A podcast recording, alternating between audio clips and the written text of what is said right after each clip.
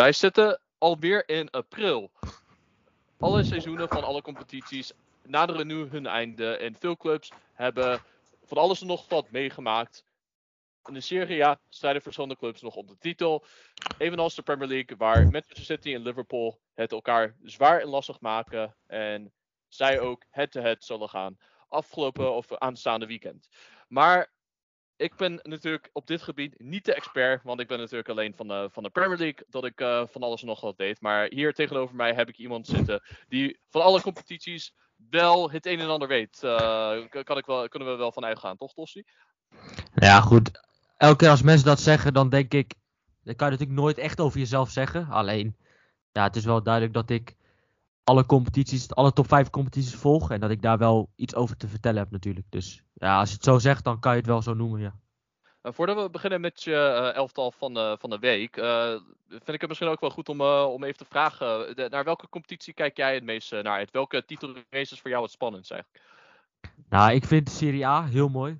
Omdat Milan gisteren natuurlijk ook twee punten heeft laten liggen. Waardoor als Inter de inhaalwedstrijd wint, staan Milan, Napoli en Inter op één punt van elkaar. Dus dat is wel heel spannend. En natuurlijk aankomend weekend, wat je al zei, Liverpool tegen Manchester City. Ja, dat is wel. Als City die wedstrijd wint, dan zijn ze nou, als goed is wel gewoon kampioen. Want dan hebben ze wel een flinke gat geslagen. Alleen, dus ja, dat zijn wel de twee competities waar je qua spanning in de top, dat zijn wel de twee grote competities waar je het meest naar uitkijkt. Want ja, Spanje, Real Madrid wordt gewoon kampioen. Ondanks dat Barcelona de laatste tijd heel goed bezig is, staan ze natuurlijk wel vrij flink achter. Nou goed, in Frankrijk wordt Paris gewoon kampioen. Ondanks dat ze de uitwedstrijden best wel volgens mij drie keer op rij verloren hebben in de uitwedstrijd. En even kijken wel, welk land er nog meer. Uh, Duitsland is ook uh, beslist. En Bayern die wordt ook gewoon kampioen. En, uh, ja, dat is eigenlijk al tien jaar lang beslist. zeker, nee, zeker. Op momenten dat je denkt Dortmund kan kampioen worden.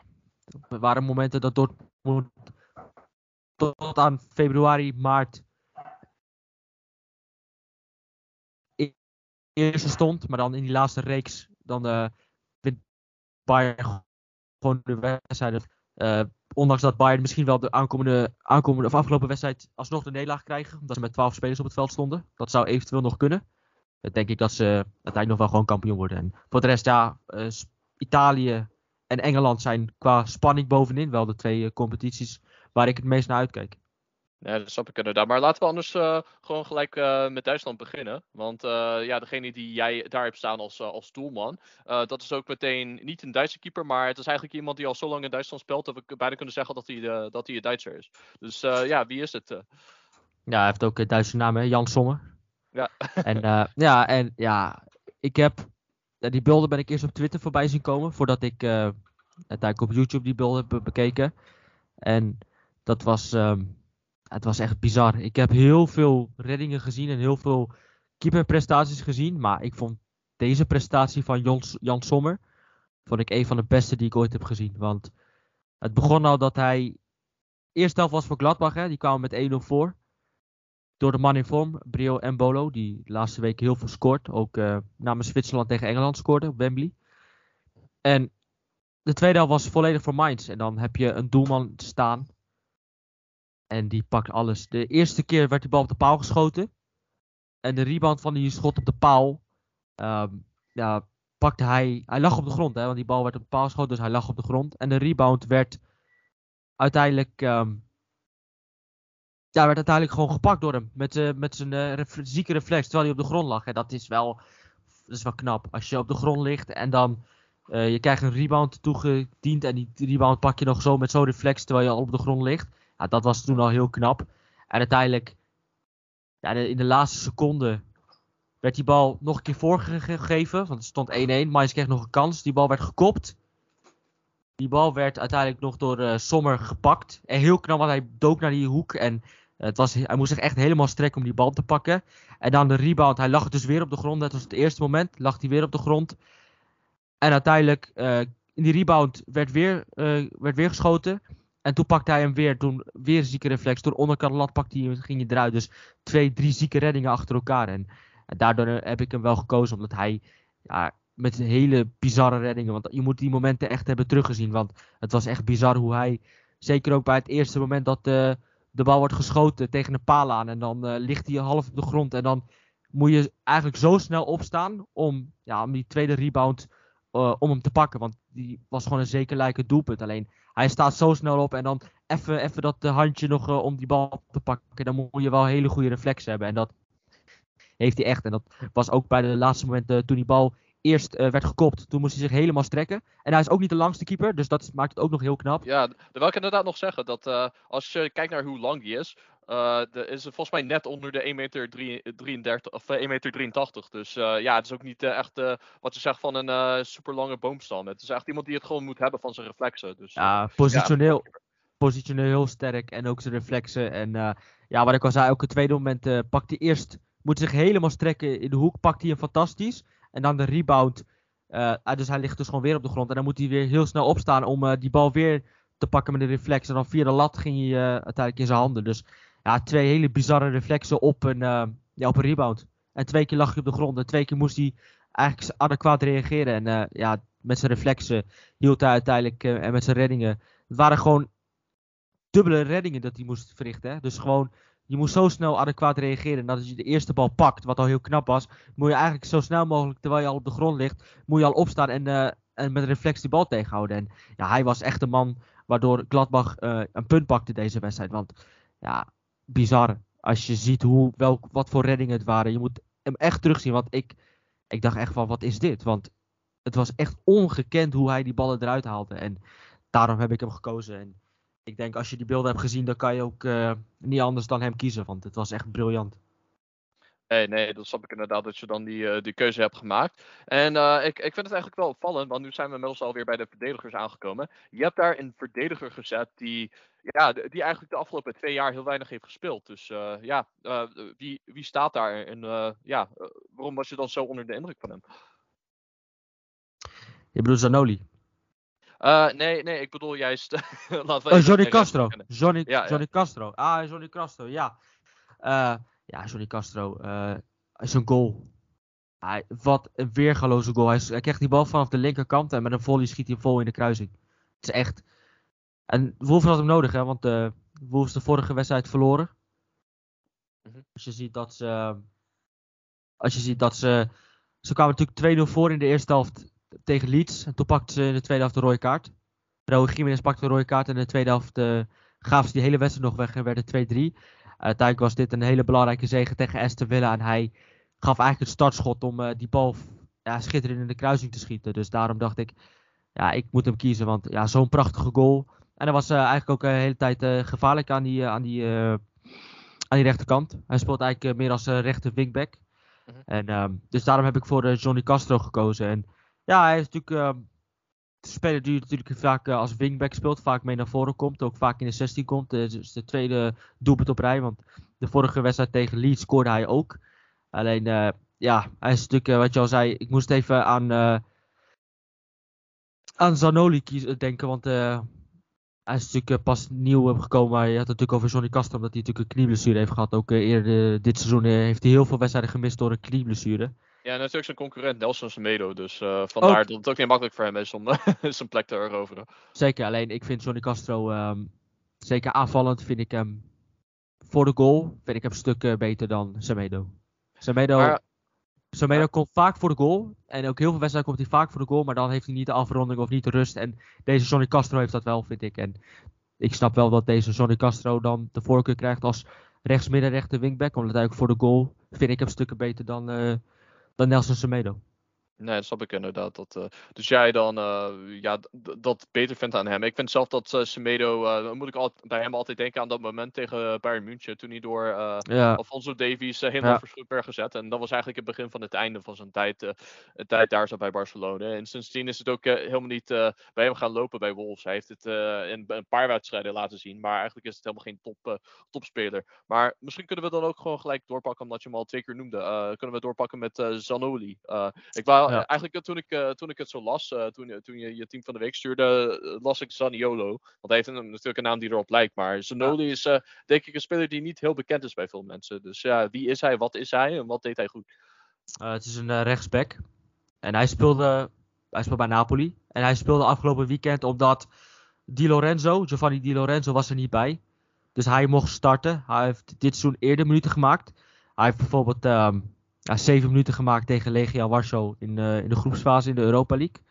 Hij heeft uh, vier minuten gemaakt tegen Udinese. Hij heeft één minuut gemaakt tegen Salernitana. één minuut gemaakt tegen Juventus. 14 minuten tegen Salernitana. Dus twee keer Salernitana uit het thuis. Zeven minuten tegen Cagliari.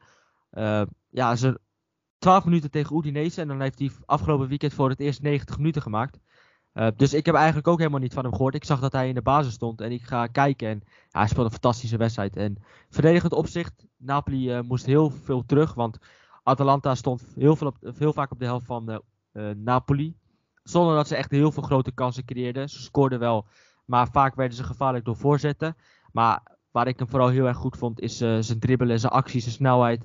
En ja, in de eerste paar minuten had Napoli het heel erg moeilijk met de drukzet van Atalanta. Ze kwamen er moeilijk uit. Ze hadden heel erg veel uh, ja, moeite om daaruit te komen. En ze raakten erg in paniek. Uh, verdedigend heel veel ballen uh, vooruitspelend. Waar in paniekerig die ballen steeds werden verspeeld. Koulibaly die een aantal keer uitgeleed. En in die fase ja, dacht je dat Atalanta er overheen zou klappen. En misschien wel de 1-0 zou maken. ze hadden die kans ook. Mede door een voorzet. Wat ik al zei, waarin ze gevaarlijk werden.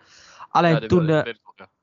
werd het ook nou. Uh, Drone scoorde ook uit de voorzet. Um, alleen, ja, de eerste, de beste kans. Deze Zanoli, die uh, krijgt de bal. Die, uh, die sprint even een paar mensen, dribbelt een paar mensen voor, voorbij. En die geeft hem geweldig op Mertens in de ruimte, in de vrije ruimte door het midden. En daar komt de penalty uit. Dus dat is wel belangrijk. En dat is wel mooi als je je eerste, eerste basisplaats dit seizoen, eigenlijk de eerste basisplaats ooit, die hij heeft gehad bij Napoli. En dan ook gelijk na 19 minuten zo belangrijk zijn met ja, met eerst een paar men uh, voorbij spelen. En uh, uiteindelijk nog die geweldige dieptepaas geven op, door het midden op Mertens waar de penalty uitkomt. Ja, dan heb je wel gelijk een enorme invloed. En uiteindelijk kwamen ze Napoli daardoor op 1-0 voorsprong. De VAR moest hem trouwens geven, want de scheidsrechter gaf hem niet. De VAR ging kijken en toen gaf hij de penalty. Dat lijkt wel heel vaak te gebeuren in uh, Italië. Hè? Dat zien we ook vaak in Engeland. Maar eh, echt, uh, sinds dat de VAR er is, zie je al, bijna altijd in de Serie A dat ze er zo moeilijk over doen. Ja, en, straks... het rekt de wedstrijd uit. Hè? Meestal is een wedstrijd net onder, onder de twee uur. Maar in Italië door VAR is dat altijd echt langer dan twee uur. nou ja, over de VAR gesproken, daar gaan we het straks nog over hebben als ik bij de andere verdediger ga. Klein teasertje voor de laatste verdediger. Alleen ja, wat ik al zei, ik vond hem verdedigend sterk en ook aanvallen met zijn rushes en met zijn acties, uh, ja, dacht ik van zo, dit is wel, uh, ja, die ken ik niet. En dan ga je zo beginnen, dan uh, presteert zo'n speler op deze manier. En toen dacht ik, ja, als je op zo'n jonge leeftijd in zo'n belangrijke wedstrijd, want ja, Di Lorenzo is gewoon een hele, Di Lorenzo is gewoon een hele belangrijke speler. En ze miste Oshimen. Ja. Ze miste Oshimen. Italiaans international natuurlijk, Di Lorenzo. Di Lorenzo, heel goede speler, doet echt uitstekend. Ik ben groot fan van hem. Ik vind hem dit seizoen ook een van de beste backs, uh, rechtsbacks in de Serie A. En ja, ze miste Osimhen. Dus dit was gewoon een hele, hele belangrijke wedstrijd uit bij Atalanta. En dan je eerste basisplaats zo presteren. En dan ook belangrijk zijn bij die 1-0, maar ook in verdedigend opzicht. Uh, dus daarom heb ik voor deze Zaroli gekozen. Die, ja, als ik hem zo zie, dat die... Uh, ja, je, eerste basisplaats zo presteert, dat, dat belooft veel goeds. Misschien ook voor het It Italiaanse elftal, die ja, moet verversen, moet vernieuwen. Als je ziet wat ze natuurlijk uh, al nu het, twee keer op rij het WK hebben gemist. Zou dit wel potentieel. Dat is natuurlijk misschien nog wel te vroeg om te zeggen. Maar dit zou eventueel een speler kunnen zijn voor de toekomst. En ja, de eerste indruk van hem was goed. Ja, sowieso one to watch. Ik wil nog uh, één laatste ding over, over Napoli tegen Atalanta zeggen. En dat was dan uh, dat uh, Koulibaly na de wedstrijd racistisch werd bejegend door ja. Atalanta supporters. Dus dat is wel even een slecht moment. Maar Martin de Roon die heeft dan wel gelijk op social media zijn excuses aangeboden. Ja, was dus mooi. Een eind daarvoor. En ja, jammer dat dat nog steeds heel vaak gebeurt in, in de Serie A. En dat de FIFA daar weinig mee doet. Dus, of UEFA. Dus ja, ik ben benieuwd of, of er ooit actie zal worden ondernomen. Want daar lijkt geen einde, aan te komen daar.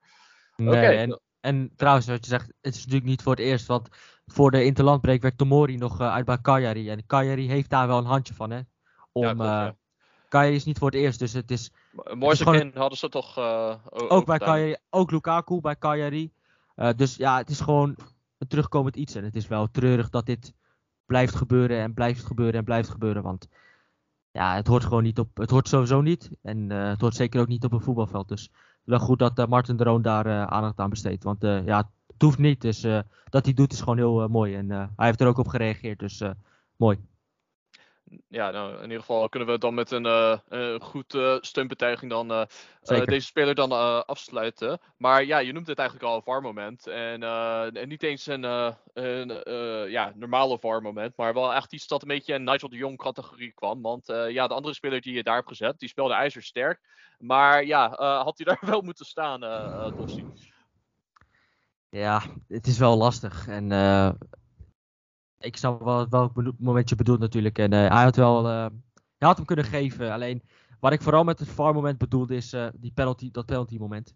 Want Dumfries die is heel erg licht. Ik vond het geen penalty. Ik vond dat de scheidsrechter daar gewoon um, de scheidsrechter had daar nooit, nooit een penalty voor mogen geven. Hij dat VAR had eigenlijk nooit moeten ingrijpen. En ik vond het geen penalty, absoluut niet. Want hij staat heel lichtjes op, um, op de voet van Dumfries. En hij gaat echt naar de grond alsof hij een, een kanonkogel uh, op zijn voet werd geschoten of afgevuurd. Want hij gaat wel heel makkelijk liggen. En dan kan je wel zeggen, ja, hij raakt hem, maar hij raakt hem zo licht. En dan de theater die Dumfries maakt. Ik had daar geen penalty voor gegeven. Ik vond het veel te licht. Maar goed, ja, in Italië wordt daar vaak heel, heel makkelijk penalties voor gegeven. En ja, je had Skriniar rood, rood kunnen geven. Maar je had bijvoorbeeld bij dit moment ook geen penalty kunnen geven. En uh, in de tweede helft had Juventus een penalty moeten krijgen. Want Volgens mij was het Vlaovic die in de 16 werd, uh, werd geraakt. Uiteindelijk uh, werd hij buiten de 16 gegeven. Alleen als je goed naar een camera standbeeld kijkt, zie je dat Vlaovic daadwerkelijk in de 16 werd geraakt. Dus had het wel penalty moeten zijn. Dus de, de scheidsrechter en de VAR hadden, ja, hadden geen beste invloed op deze wedstrijd. En Nee, het is ook wel uh, typisch dat dit bij Juventus gebeurt. Hè? In Italië hebben ze een reputatie dat ze dan Rubentus worden genoemd, omdat ze altijd mee worden geholpen door de scheidsrechters. Maar nu zijn ze ook uh, toevallig dan ineens de dupe daarvan. En je, ik weet niet of je zag, maar die reactie van Allegri bij die penalty, toen hij op ja. moest worden genomen, dat hij zijn jas ja. uittrok. Ja, dat was dat hij helemaal tekeer ging tegen ah, de vierde official. Ja. Maar het was ook, die penalty was ook terecht hoor, want de licht die stapte veel veel eerder stapte hij in om uh, naar de bal toe te gaan. En uh, hij kwam ook uh, op tijd naar die bal om die bal te blokken. Waardoor Chalanoglu niet die rebound kon nemen. Dus het was wel terecht dat hij werd genomen. Ja, maar daarna vloog, vloog, de bal erin. Een eigen doelpunt van Rabiot. Dus het feit dat hij toen werd afgekeurd en dan opnieuw moest worden genomen, was eigenlijk al raar. Want eigenlijk was het gewoon een eigen doelpunt van Rabiot. Dus. Was, dat, was er niet überhaupt een overtreding? Want volgens mij werd daar volgens mij eerst voor gefloten. Ja, nou ja, ze zagen wel een overtreding, maar ik zag zelf eigenlijk geen overtreding. Ik, ik nee, maar dat een eigen doelpunt van Radio. Was, het was ook geen overtreding, vond ik, maar daar werd volgens mij wel door de scheidsrechter voor gefloten. Ja, ja, klopt, ja. en daarna, instantie, en daarna had de farm, uh, dat zei je van, uh, ja, het is, uh, de licht komt te vroeg in. En dat was ook zo, want anders had de licht nooit op tijd kunnen zijn om die bal bij Chalanoli te blokken. Dus, maar goed, het gaat volgens mij nu om uh, Skriniar. Ja, altijd een topverdediger uit de serie. Ja, fantastisch. En ja, hij stond eigenlijk zeker de eerste paar minuten had, uh, Juve, of, had Inter het echt heel erg moeilijk met Juve. Juve zette gelijk heel erg, uh, ja, heel erg druk. Ik vond Rabiot daarin ook heel belangrijk. Die uh, ja, zeggen wel heel vaak, het is natuurlijk geen, ik vind het geen geweldige middenvelder. Maar hij is wel iemand die heel veel energie in de wedstrijd legt. En ook vanaf minuut 1 druk zettend. En Inter kwam er heel moeilijk uit.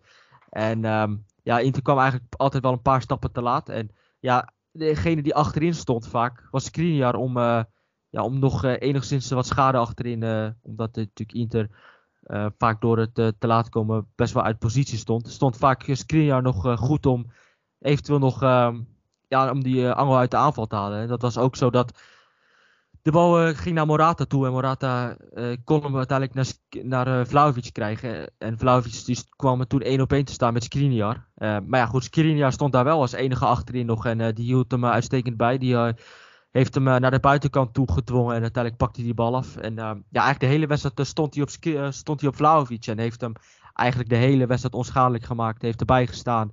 Ja. op één moment nadat hij goed wegdraaide bij Vlaovic, draaide één keer heel goed weg bij bij Skriniar, wat natuurlijk ook wel kan gebeuren, want Vlaovic is natuurlijk een fantastische spits. Alleen uh, zijn schot was toen wat minder. Alleen eigenlijk de hele wedstrijd gewoon kort op hem, druk zettend, uh, eigenlijk hem op de hielen zitten en eigenlijk de hele wedstrijd hem geen seconde de ruimte gegeven. En dat is niet voor het eerst, want ik heb een paar weken geleden heb ik, uh, heb ik Gleison Bremer ook in mijn elftal gehad. Mhm. En toen, toen stond hij ook tegenover tegenover Vlaovic, Gleison Bremer. En die heeft hem ook de hele wedstrijd vol op de hielen gezeten. Vol druk zettend. Uh, geen seconde met rust gelaten. En daar he heeft Skriniar waarschijnlijk ook uh, leren uitgehaald. hetzelfde geldt ook voor Demiral. Die daarvoor ook eerder dit jaar ook ja, Vlaovic vol op de hielen heeft gezeten. Geen seconde met rust heeft gelaten. En hetzelfde geldt ook voor Te Licht. Toen Vlaovic nog bij Fiorentina speelde. Dus je ziet wel een patroon dat uh, dat soort hele goede verdedigers als ze kort op, uh, op hem spelen en uh, dat Vlaovic het daar wel moeilijk mee heeft. En, ja, het is natuurlijk een topspits in wording, maar er zijn natuurlijk nog wel een aantal dingen waar hij nog moet verbeteren. En het, datgene is dus natuurlijk dat hij, ja, als de spits kort op hem speelt, dat hij daar nog wel moeilijk heeft om ja, daar weg bij te draaien. Dat is één keer gebeurd, maar het is wel moeilijk voor hem om, om zo'n spits dan te kijken te zetten of de baas te zijn. Dus dat zijn dingen dat hij nog moet leren. Hij is nog jong. Alleen dat viel ja. me wel op dat de eigenlijk de echt goede verdedigers uit de Serie A hem toch wel redelijk onder controle houden. Nou, uh, dat is dan een harde les voor hem, maar uh, die werd wel gegeven door de meester die Milan Skriniar heet. En, uh, nee, zeker. Ja, en, nou, zeker. En natuurlijk Bremer, ook een van de beste verdedigers uit de Serie A. Demiral, een van de beste verdedigers uit de Serie A. De Ligt zijn een, van de beste verdedigers van de Serie A. Dus het is ook vrij logisch dat hij het moeilijk heeft met dat soort spelers. Want dat zijn ook wel hele slimme, sterke spelers. Hè. Maar alle, alle spelers kun je zeggen zijn heel sterk, heel, heel fel in de duels. Um, dus dat, en dat is Vlaovic trouwens ook. Dus het zijn gewoon hele felle duels. En uh, ik snap ook wel dat het vrij lastig is om daar uh, ja, om dat dan uh, onderuit te komen of om hem dan slim af te zijn. Dus dat zijn natuurlijk ook wel hele slimme en ja, verdedigers die weten hoe ze zo'n speler moeten uitschakelen. Dus het is ook voor, voor hem natuurlijk geen schande. En hier kan hij natuurlijk alleen maar leer uittrekken. En ja, je hebt gezien dat hij één keer uiteindelijk wel weg wist te draaien bij Skriniar. En toen was hij hem ook gelijk kwijt. Dus dat soort dingen moet hij leren. Alleen, ja, hij is natuurlijk wel een toptalent. laten we wel eerlijk zijn. Vlaovic is natuurlijk wel echt een geweldige speler. Alleen, hij moet natuurlijk nog wel dingen leren. Maar goed, over Skriniar gesproken, want daar gaat het om. ja, hij heeft het gewoon uitstekend gedaan. En hij was echt de, de man, de leider achterin die uh, de rust wist te bewaren. En ook in uh, drukke momenten. Want ja, Inter speelde echt heel slecht. Het was een hele matige wedstrijd. Op een gegeven moment lag er heel veel ruimte voor Inter. Alleen speelde ze het weer verkeerd uit. verkeerde keuzes makend. dus daarin was het wel vrij lastig voor, voor Inter. Alleen, ja, wat ik al zei, de achterhoede. Vooral Skriniar ja, was eigenlijk de man die ervoor zorgde dat Inter hele belangrijke drie punten pakte. En dat ze daardoor nu nog steeds uh, ja, Milan op de hielen zit. En sterker nog, twee punten zijn ingelopen op Milan. Ja, nou, het wordt een spannende slotakkoord in, uh, Zeker. in de Serie A. En uh, nou, dit is natuurlijk jouw uh, elftal van de week. jij bekijkt altijd ja, verschillende spelers en verschillende competities. Maar heel soms mogen wij dan ook een bijdrage leveren. En in dit geval had ik eigenlijk één speler gezien die er, waarvan ik vond van, ja, die moet er echt gewoon per se in. En uh, ja, dat is een speler uit La Liga toevallig. Uh, als ik naar het elf elftal kijk, zitten er wel een paar in. Maar deze had, ja, wat mij betreft, wel de meeste indruk gemaakt deze week. Dus uh, ja, wie, wie staat erin? Ik denk dat je Guami bedoelt. Yes. En ja, Guami die bevalt me dit seizoen eigenlijk enorm. En hij heeft dit seizoen 14 goals en 4 assists. En ja, het is gewoon een hele goede voetballer. En heel goed voor de goal maakt mooie goals. En uh, ja, gewoon heel belangrijk met zijn doelpunten. Had afgelopen weekend uh, twee goals en twee assists. En uh, ja, dat is gewoon heel knap als je ziet ja, dat hij eigenlijk dat ik eerder dit seizoen hoorde ik Sierte Vos zeggen dat hij er niks van kon. Dus uh, ja, toen dacht ik, uh, heeft hij zich uiteindelijk toch prima zijn gram gehaald. En hij heeft natuurlijk ook in Engeland gespeeld, is het hem niet ja, geworden. Een flop bij Southampton, maar dat, dat, dat vind ik ook, ook wel grappig dat uh, Vos dat zei. Want bij hem moet ik heel, heel erg denken aan Iago Aspas. Die was natuurlijk zwaar mislukt bij Liverpool. Heeft daar ja. echt gewoon niks laten zien, maar bij... maar in, in, Spanje laat hij gewoon echt ja, week in, week uit, heeft het jarenlang gewoon echt goed gepresteerd bij Celta. En ja, je ziet eigenlijk nu ook bij uh, gewoon die ontwikkeling. Hij heeft het bij Real Sociedad niet, niet echt laten zien, maar nu bij Betis begint hij nu eindelijk te laten zien waarom het zo een gewaardeerde speler was, oorspronkelijk toen hij naar Southampton ging. Dus ook wel mooi voor hem om, dat, om die, een beetje die retribution te krijgen. Zeker, het is gewoon een hele goede voetballer. En ehm, ook zijn loopacties zijn goed. Hij had wel een klein beetje geluk met zijn eerste doelpunt, want uh, uiteindelijk werd die bal uh, bleef hangen en dat hij hem heel zachtjes kon binnentikken. Ik dacht dat, dat de keeper misschien daar wel iets meer mee kon doen, want het was een heel erg klein rolletje. Maar uh, nou, hij ging erin en de tweede was, de bal werd links teruggetrokken door Alex Moreno en hij schoot hem fantastisch binnen in de hoek. Met een klein boogje ging hij erin. En in de tweede helft had hij ook nog twee assists. Maar ik vind het vooral een speler met zijn loopacties, goede techniek. En ja, het is gewoon een goede voetballer. En hij maakt dit seizoen maakt hij het helemaal waar. En als je kijkt, 14 goals, 4 assists als buitenspeler. Ja, dat is wel heel knap. En ja, hij, Peters speelt ook uitstekend, doet het uitstekend. En hij gaat eigenlijk gewoon prima mee in dat niveau. En ja, ik vind vooral zijn, zijn afmaken vind ik wel een van zijn grote kwaliteiten. Want hij kan echt geweldig afmaken. Ja, ja en hij schiet ook uit best wel lastige hoeken. Zeker. Op. En ja, meestal zijn dat de, de, beste aanvallers uh, proberen het altijd vanuit verschillende hoeken. Dus je bijvoorbeeld bij Jungmanson. Hij kan met beide voeten afmaken. En, en, de, en de hoeken die hij dan neemt om te schieten zijn altijd heel uniek. Dat, dat zie je gewoon niet, uh, is gewoon niet gebruikelijk. En uh, dat zie ik ook een beetje terug bij Juan Niet op dat niveau, niet met beide benen. Maar wel gewoon dat je denkt van, hé, hey, dit is wel iets wat een, een aanvaller die heel zelfverzekerd is in zijn afmakingskwaliteiten, die probeert dat. Zeker, hij heeft ook een keer gescoord tegen Barcelona in Camp Nou. Um, en hij is eigenlijk, hij is niet tweebenig, hij is rechts. Um, ja, soms dan wel tweebenig, maar hij niet. Maar met rechts, uh, hij heeft gewoon een hele geweldige schot in zijn rechterbeen. En hij maakt hele mooie goals. En ook zijn loopacties, waar ik zei, uh, zijn heel goed. En hij is gewoon heel belangrijk dit seizoen. En we hebben natuurlijk heel vaak over Canales, over Fekir. Alleen deze Gwambi is ook heel belangrijk dit seizoen. En die trekt zich ook uitstekend mee in het, in het spel van, ja, van Betis. En hij is gewoon een hele belangrijke sleutelspeler dit seizoen voor Real Betis. En ja, gewoon een genot om hem eh, dit seizoen aan het werk te zien. Ja, en uh, natuurlijk ook bekerfinalist. Uh, wat ook uh, lang geleden is geweest voor, voor Real Betis. Dus ik ben benieuwd of hij ook een, daar een bijdrage in gaat leveren. Misschien komt hij dan weer in het elftal van de week terug. Misschien, misschien, zeker. nou, het is wel, het is wel, nou, het is wel een speler die ik van het begin van het seizoen valt hij me op. Dus het is niet voor het eerst dat ik dat hij me nu verbaast of zo dat hij nu twee keer scoort of twee assists. Want hij heeft uh, vaker dit seizoen heeft hij of een hat gemaakt of uh, volgens mij een keer zelfs vier goals gemaakt. Dus uh, ja, dit seizoen is hij gewoon heel goed. En ja, dit weekend weer, weer belangrijk geweest met twee goals en twee assists. En volgens mij heeft hij wel de laatste weken, als ik ga kijken naar zijn... Heeft volgens mij wel iets minder gescoord als begin van het seizoen. Want toen was hij echt heel erg goed.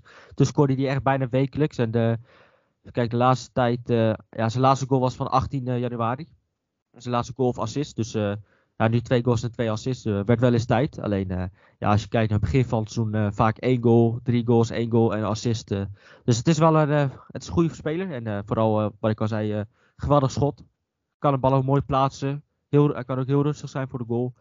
En ja, gewoon heel belangrijk dit seizoen voor, voor Real Betis. Laten we anders uh, in Spanje blijven. En uh, ik, ik, zag toevallig laatst op social media voorbij komen van... Uh, je hebt spelers die dan worden gezien als een van de beste, grootste jonge talenten ter wereld. Maar soms zitten er ook jonge spelers tussen die niet alleen die, in die categorie vallen... maar ook in de categorie best, ja, beste spelers van de hele wereld. En ja, degene die je hier hebt staan, dat is misschien zo'n speler. Maar wat ik eigenlijk wil vragen is, ben je het daarmee eens? Is dit inderdaad een van de beste spelers van de wereld. En niet alleen een van de beste jonge spelers. Ja, ben ik wel mee eens. Als hij op jonge leeftijd presteert. Uh, en dat is niet alleen, alleen omdat hij nu een jonge speler is en voor zijn niveau is dit goed. Maar hij is gewoon voor het, überhaupt voor het niveau van het voetbal.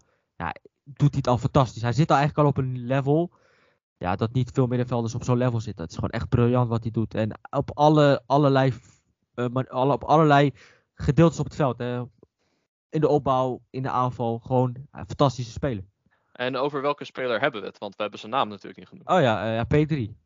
ja, P3. P3 González. P3 González, ja, fantastische speler. En uh, ja, laten we eens gewoon beginnen met het feit dat hij uh, de speler was, de Spaanse speler met de meeste wedstrijden afgelopen jaar.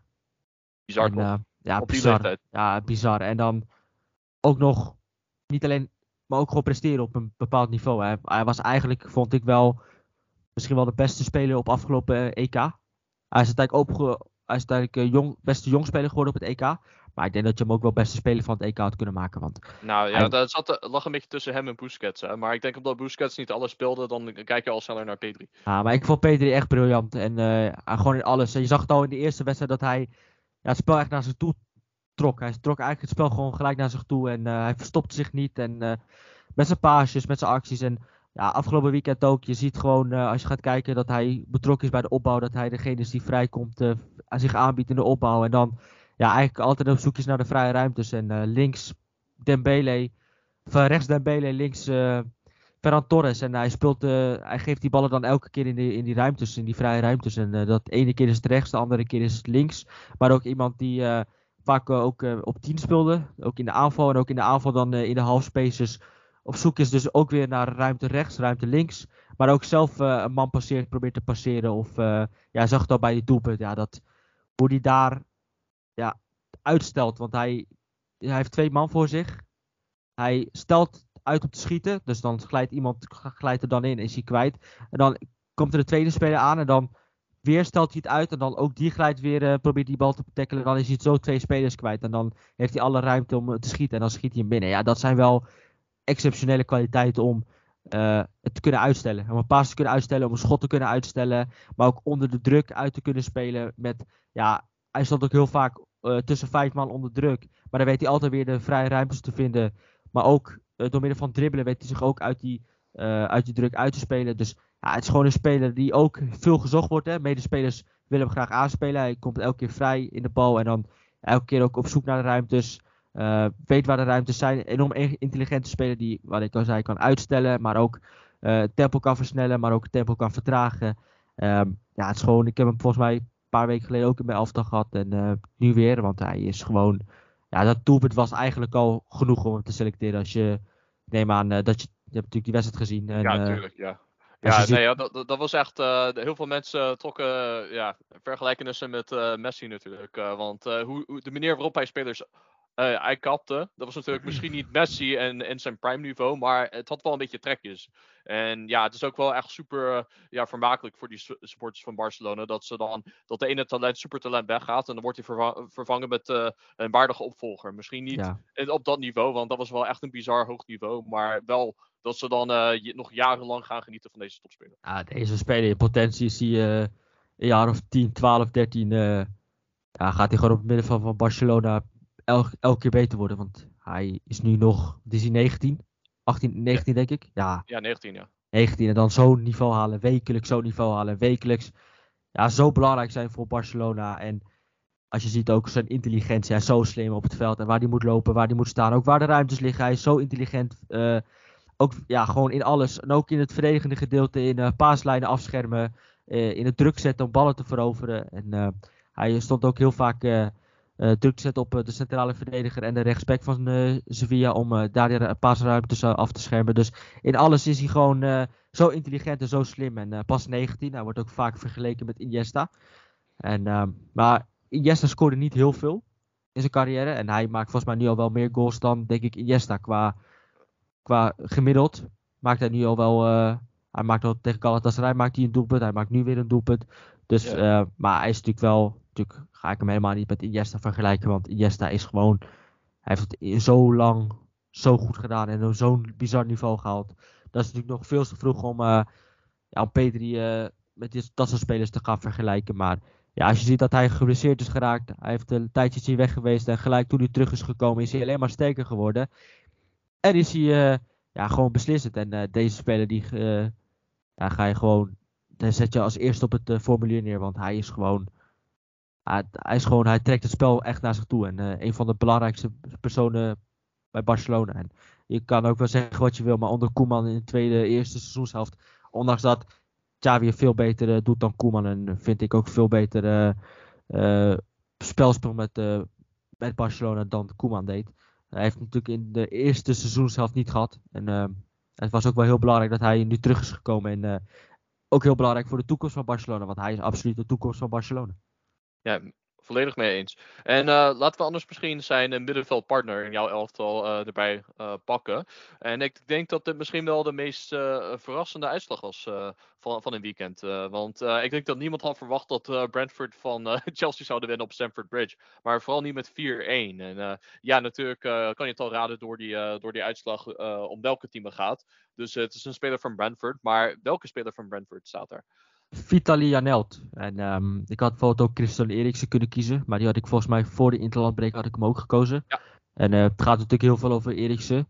Uh, maar ik heb deze Vitali uh, Janelt gekozen omdat hij met dit seizoen een aantal wedstrijden echt wel verbaasd heeft. En ja, het is een Duitser. Hij komt uit de Red Bull jeugd. Althans, hij heeft bij HSV gezeten, is toen naar de Red Bull gegaan en heeft, of moet ik zeggen, Rassenbalsport. bij Leipzig heeft hij in de jeugd gezeten en ook uiteindelijk is hij toen bij Leipzig naar boven gegaan. Maar je ziet wel dat Leipzig gedeelte zie je wel echt terug in zijn spel. Maar echt iemand die heel veel energie erin legt. Uh, loopacties, heel veel, ook, uh, heel veel loopacties heeft hij, zowel aanvallend als verdedigende loopacties. Um, ja, iemand die gewoon hartstikke hard werkt voor de ploeg. En uh, in verdedigend opzicht en aanvallend opzicht. Dus daarin zie je wel dat hij gewoon uit die concern komt. Dat hij daar vandaan komt. En ja, hij schoot echt een schitterende bal binnen voor die 1-1 gelijkmaker.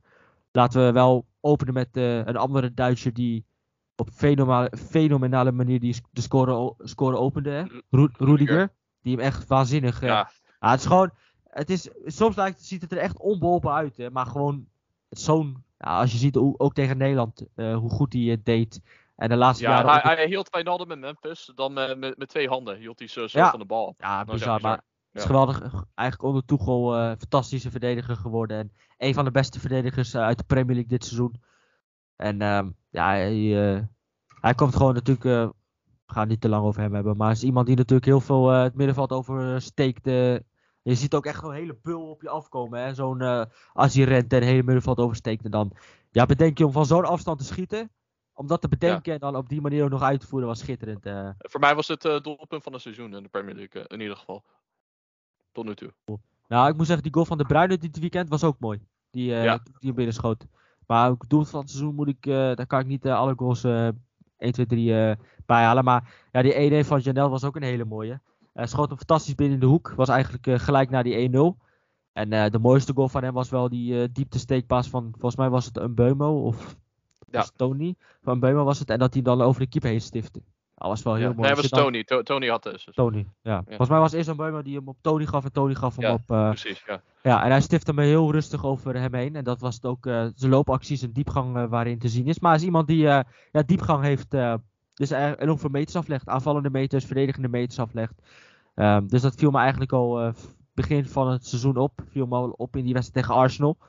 Um, en sindsdien, ja, dit weekend twee goals gemaakt. En belangrijk in de 4-1 zegen. Dus daarom heb ik voor hem gekozen. En Brentford uh, doet het heel goed. En uh, dat heeft ook wel te danken, mede te danken door Christian Eriksen. Die ja, toch wel heel veel voetballend vermogen heeft toegevoegd aan het middenveld van, van Brentford. En ja, ze zijn, natuurlijk, ze zijn natuurlijk gewoon veilig. En doen het dit seizoen natuurlijk hartstikke goed. En ik ben wel heel benieuwd naar volgend seizoen. Hè, want je hebt het gezien bij Sheffield United. De eerste, het eerste seizoen makkelijk erin gebleven. En dan ziet uh, wat ze het tweede seizoen hebben gepresteerd. Dus het is wel, uh, ben wel benieuwd uh, wat daar gaat gebeuren aankomende zomer. Maar ja, voor dit weekend, maar ik moet zeggen dat het stond bij Chelsea echt heel slecht uiteindelijk na die 1-1. En uh, verdediger stond echt helemaal positioneel. Het stond echt niet meer goed. En uh, er lagen zoveel ruimtes. Thiago, Thiago Silva speelde echt heel zwak. Terwijl hij normaal gesproken een van de rustpunten en leiders is achterin. Dus heb je dat, hè? Hij had dat uh, vorig seizoen ook tegen uh, West Bromwich twee keer. Dus uh, ja, ja dat is de beste speler. Dus hebben slechte wedstrijden. Van Dijk was ook niet goed tegen, tegen Brentford. Nee, maar goed, als je ziet dat hij ehm, dat Brentford het ook op zo'n manier afmaakt. Want ja. ze staan niet goed, maar dat Brentford het zo op deze manier weet uit te spelen naar 1-4. Ja, het is gewoon een hele knappe zege. En deze Janelt met twee goals. Ja, een hele belangrijke rol gespeeld hè, bij, die, bij die zege.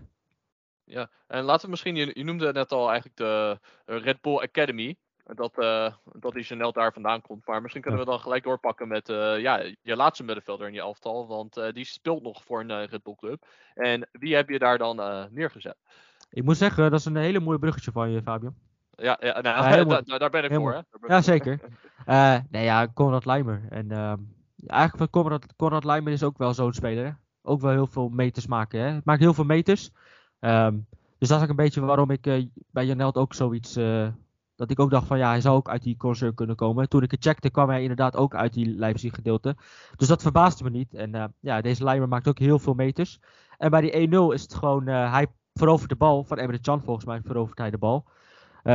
krijgt hem terug van Nkunku en schiet hem schitterend erin. En ja, het begint wel bij hem. Die eerste, eerste duel wint, bal verovert. En daardoor gelijk de 0-1 maakt. Dus dat is niet alleen dat hij de bal inschiet, maar ook de bal verovert.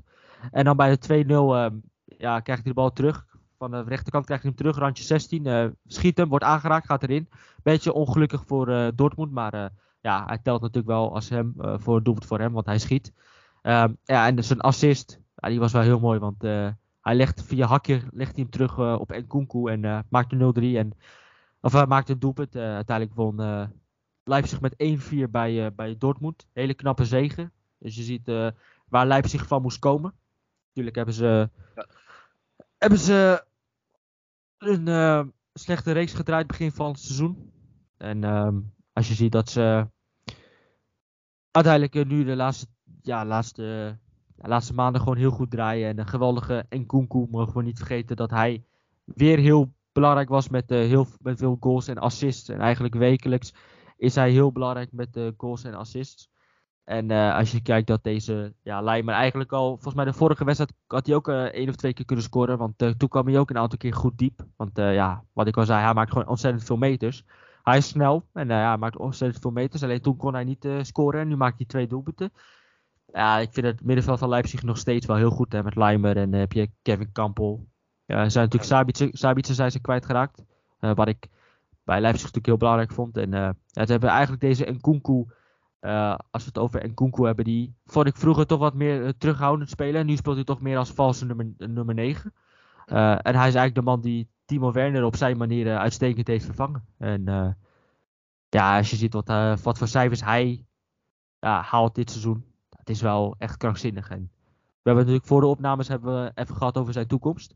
Hm. En ja, dit is wel een speler die na dit seizoen ongetwijfeld vertrekt. Want hij is, gewoon, hij is gewoon te goed. En hij is, gewoon, hij is natuurlijk ook laatst opgenomen in de Franse selectie. En gelijk basis ook.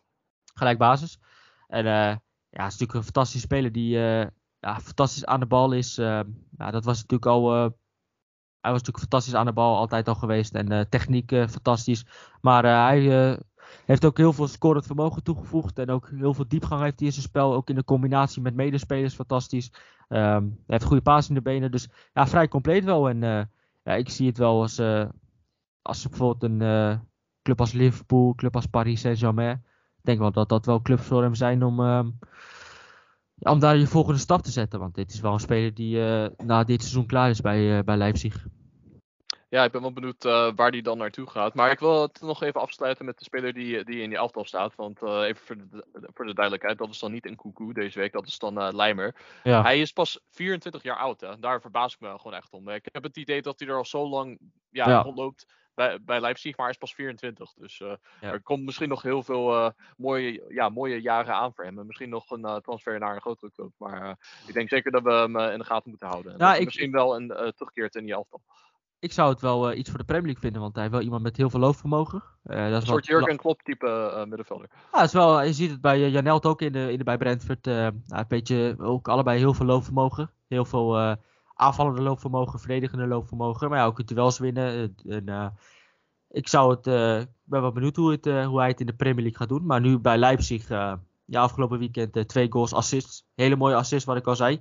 met de hak. Dus, dus daarom heb ik hem gekozen. Maar ik had ook Nkunku weer kunnen kiezen. Alleen, ik dacht, Nkunku is al een paar keer teruggekomen. En het gaat zo vaak over Nkunku. Dat Leimer ook wel een kleine een kleine shout-out verdient. Dus bij deze Conrad Leimer uh, in het elftal. Nou, we hebben al heel enthousiast lopen te vertellen over, uh, over de middenvelders die jij hebt geselecteerd. Maar ja, wacht maar tot, totdat we bij de aanvallers komen. Want, uh, nou ja, ja misschien laten we anders bij de eerste beginnen, die misschien iets minder bekend is. Want deze naam, die herken ik veel meer als, als de naam van een keeper. Maar um, ja, ja, het is ook niet een speler die eerder is voorgekomen in je elftal. Maar die maakte wel deze wedstrijd heel veel indruk. Dus wie, wie heb je eigenlijk uh, daar neergezet? Ik heb gekozen voor Beto. die kwam afgelopen zomer kwam hij over van de Portimonense in Portugal. En ehm, ja, ze hebben hem gehuurd met optie tot koop. Uh, ze hebben een koopverplichting, dus die gaan ze sowieso, ja, die gaan sowieso naar Udinese definitief na dit seizoen. En hij heeft dit seizoen 11 uh, goals gemaakt in de Serie A. maakte afgelopen weekend een hat-trick. Dus we gaan kijken naar, de, ja, zijn eerste goal. Staat hij gewoon heel goed in de 16. Krijgt hij de bal en maakt hem heel knap af. Want die bal werd net iets vorm gegeven. Dus moest hij nog wel een klein beetje strekken. En die maakt hij goed af. Uh, bij het tweede doelpunt krijgt hij de bal mee van Isaac Succes. Mooie naam trouwens, Isaac Succes. Van Watford, uh, ex-Watford. Ex-Watford speler. Nou ja, goed, uh, je ziet dat de Udinese en Watford hebben natuurlijk een banden. Als je kijkt naar Delefeu, die kwam ook van Watford vandaan.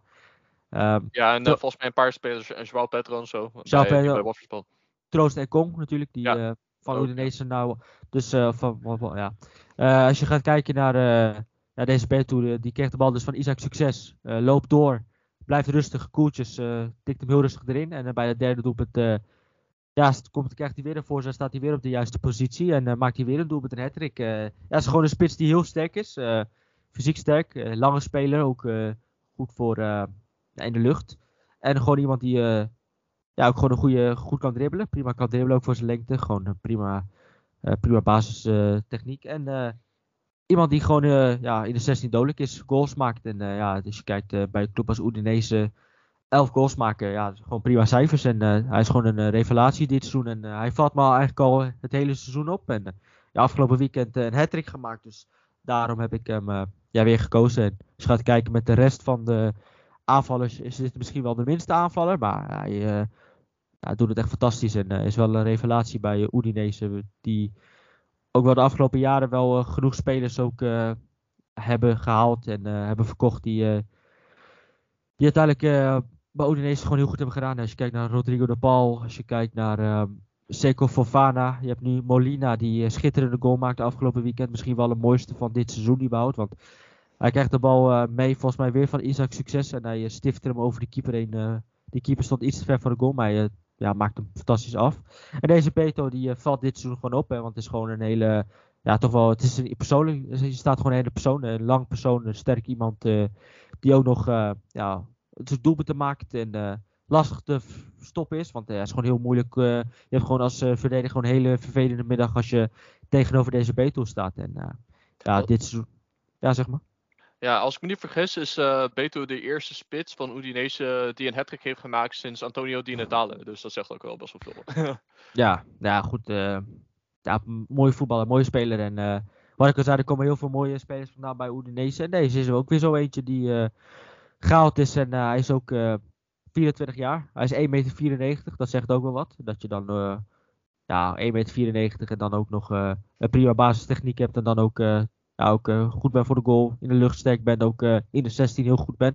is gewoon een uh, hele goede spits. En die heel gek dat uh, uiteindelijk voor hem is aangeklopt. En je gaat natuurlijk, gaan ze een hele mooie, mooi bedrag voor hem vangen als hij vertrekt. Ja, ik ben benieuwd wat dat bedrag zal zijn en uh, of hij dan deze stijgende lijn kan doortrekken naar volgend seizoen. Uh, laten we nu doorpakken met de speler die zometeen ook op de velden te bewonderen zal zijn. En uh, dat is iemand die voor heel veel geld weer binnengehaald en niet altijd heeft laten zien, maar hij lijkt nu eindelijk zijn beste vorm te hebben gevonden. Dus ja, welke speler is het? Het is Joel Drommel. Nee. nee. Oh. nee. Nee, nee, ja. Even een kleine sneer naar, uh, naar PSV. Nee, nee, nee, helemaal niet. Ik vind het zielig voor Joe Drommel trouwens. Uh, want uh, dat gun je natuurlijk niemand, zeker niet tegen jou de club. Maar nee, het is Joe Felix. En ja, hij is natuurlijk hij is geblesseerd geraakt. En hij heeft natuurlijk een tijdje met een blessure rondgelopen en met pijntjes rondgelopen. Dus dat heeft ook wel invloed gehad. Maar nu ja, lijkt hij helemaal fit en is hij gewoon zo belangrijk voor, ja, voor dit spel van van, uh, van uh, Atletico Madrid. Jezus. Van Atletico Madrid. En uh, hij, is, hij maakt ook heel veel goals met de kop. Afgelopen weekend weer. Stond goed in de 16, kreeg de bal en kopte hem heel goed binnen. En hij is gewoon een fantastische speler. Als je ziet hoe hij bij het 3-1 volgens mij tikt hij de bal over de speler heen van Alaves. En dan houdt hij het overzicht. En dan met zijn buitenkantje geeft hij hem dan mee op, op Matthäus Cunha. Die hem dan mist. Maar dan zijn rebound uh, maakt hij dan zelf uiteindelijk af. Ja, en ook als je ziet hoe hij, hoe hij de bal behandelt en hoe hij eigenlijk, het lijkt zo makkelijk, maar ook bij dat vierde doelpunt krijgt hij de bal mee en dan klein, krijgt hij bal, geeft hem een klein tikje mee, uh, weet je wel, een klein tikje mee terug en dan op zo'n tempo, op zo'n snelheid. Ja, hij is gewoon een hele geweldige voetballer met een geweldige techniek en hij koppelt dat nu ook aan doelpunten en uh, hij maakt nu best wel veel doelpunten. Hij is ook genomineerd, hij is zelfs La Liga speler van de maand maart geworden. Dus uh, jij ziet dat hij uh, natuurlijk nu heel goed bezig is. En uh, ja, hij heeft natuurlijk heel veel vertrouwen. En dan zie je ook wel waarom Atletico ooit zoveel heeft betaald. Want je ziet wel echt zijn kwaliteiten, zijn kwaliteiten in techniek en qua snelheid en manier van handelen. Maar dan koppelt hij dat nu ook aan doelpunten. Ja, als hij dat, dit kan vast, vasthouden en kan verbeteren, ja, dan gaat hij gewoon. we hebben het natuurlijk over Mbappé, over Haaland. Maar deze João Felix mogen we ook bij, bij dit rijtje gaan toevoegen als hij dit niveau haalt.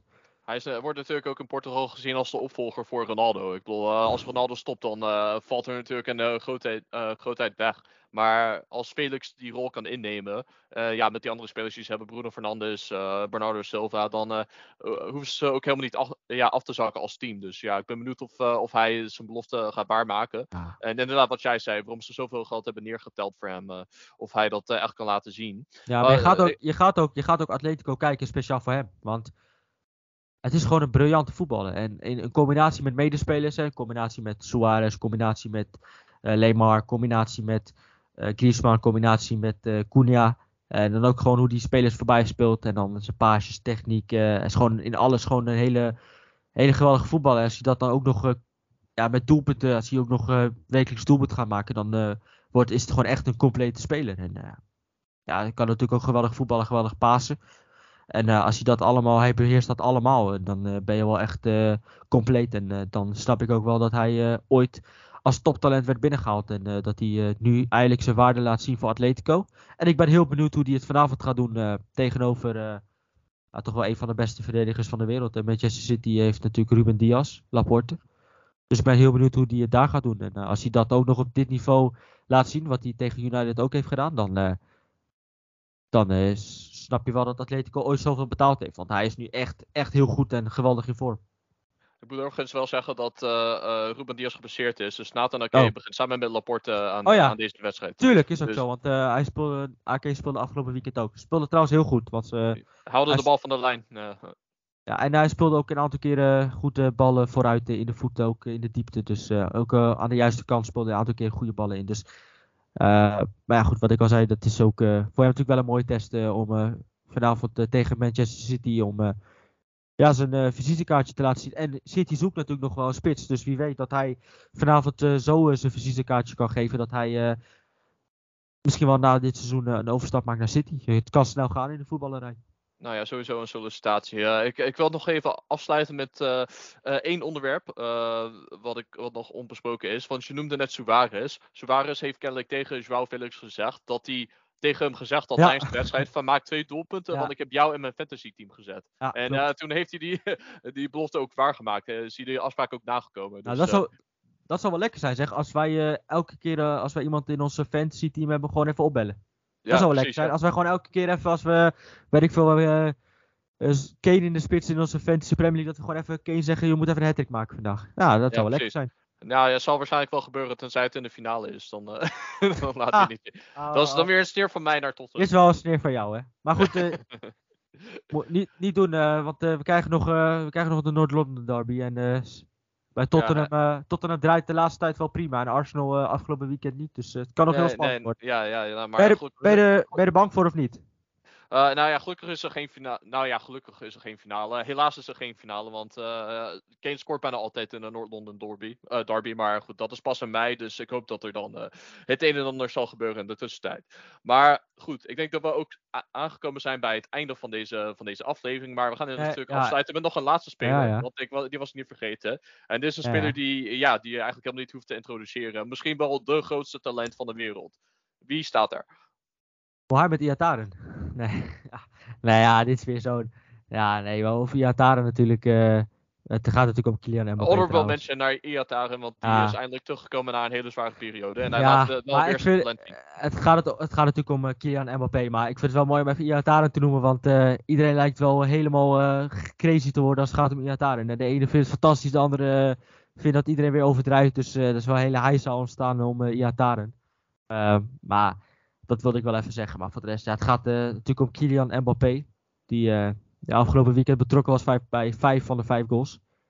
Ja, en... eh, Zijn cijfers zijn echt ongekend dit ja, en als je, als je ziet dat hij ook afgelopen interlandperiode een schitterende bal kan naar binnen toe, schitterend in de hoek schoot, in de kruising schoot. Hij is wel, dit is wel, hij laat wel even zien dat hij, dat hij dit seizoen de gouden bal wil, wil winnen dit jaar. Want Ja. hij is dit seizoen echt heel goed bezig. En ja, het gaat eigenlijk helemaal niet om eh, Messi of Neymar, want dat is gewoon, het is gewoon, het is de hele grote Mbappé-show bij, eh, bij Paris.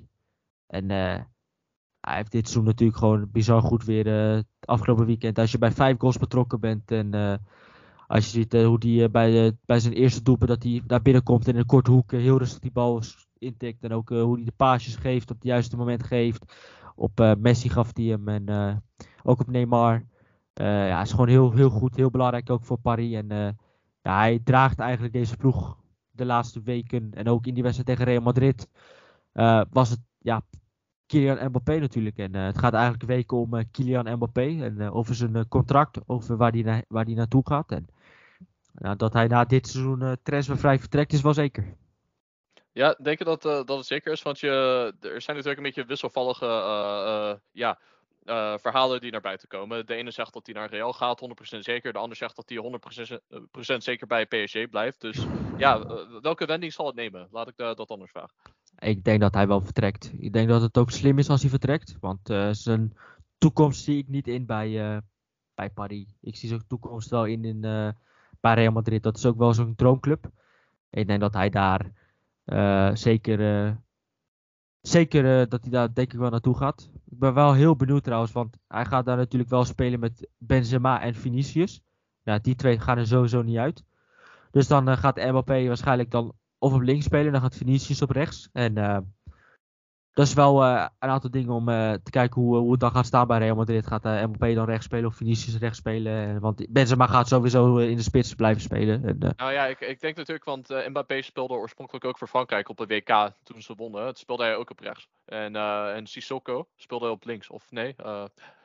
Matuidi speelde op links, linksbuiten. Eh, Mbappé was zeg maar de aanvallende buitenspeler en Matuidi de verdedigende. Zo hadden ze dat gedaan. Maar eigenlijk is hij er oorspronkelijk wel een rechtsbuiten annex spets, zeg maar. En pas bij Pochettino, onder Pochettino, werd hij naar de linkerkant verschoven. Ja, nou ja, goed, hij kan er gewoon spelen hoor. Dat is dat daar ook niet van. Hij kan prima links en rechts en in de spits spelen. Maar ik ben toch wel benieuwd hoe, uh, hoe het dan gaat, uh, gaat dan zal het waarschijnlijk Vinicius links zijn, Benzema in de spits. Uh. Er werd ook wel gezegd Haaland erbij, maar dat wordt gewoon veel te aanvallend. Nee. je, dat wordt veel te aanvallend. Dat, uh, nee, maar ook het niveau dat Benzema nog steeds laat zien. Net als moeilijk ja, ja, er, er, werd, er, werd, er werd gezegd Haaland dan in de spits en dan Benzema daarachter. En, maar dan moet je twee, dan moet je middenvelders, dan moet je middenveld en verdediging zo goed hebben staan. Dat, dat zie je ook bij, bij, maar, bij, bij Party, dat gaat nooit werken. En, nee, nee, nee, maar ja, dat is echt voor, ook voor Real zo veel te aanvallen. Ik is altijd een counterploeg geweest, dus ik zie dat niet. Uh, ik zie nee, dat niet maar goed, uh, Mbappé naar, naar Real Madrid, ik zou dat wel willen zien samen met Benzema. En met Vinicius, dan heb je gewoon een waanzinnige aanval waar je ja, de komende jaren wel mee ja, moet kunnen domineren in, in je competitie. Want dat wordt dan wel een hele mooie, st mooie strijd met en Barcelona die uh, terug is de laatste tijd. En uh, ik denk ook voor de toekomst. En zeker ook in de Champions League.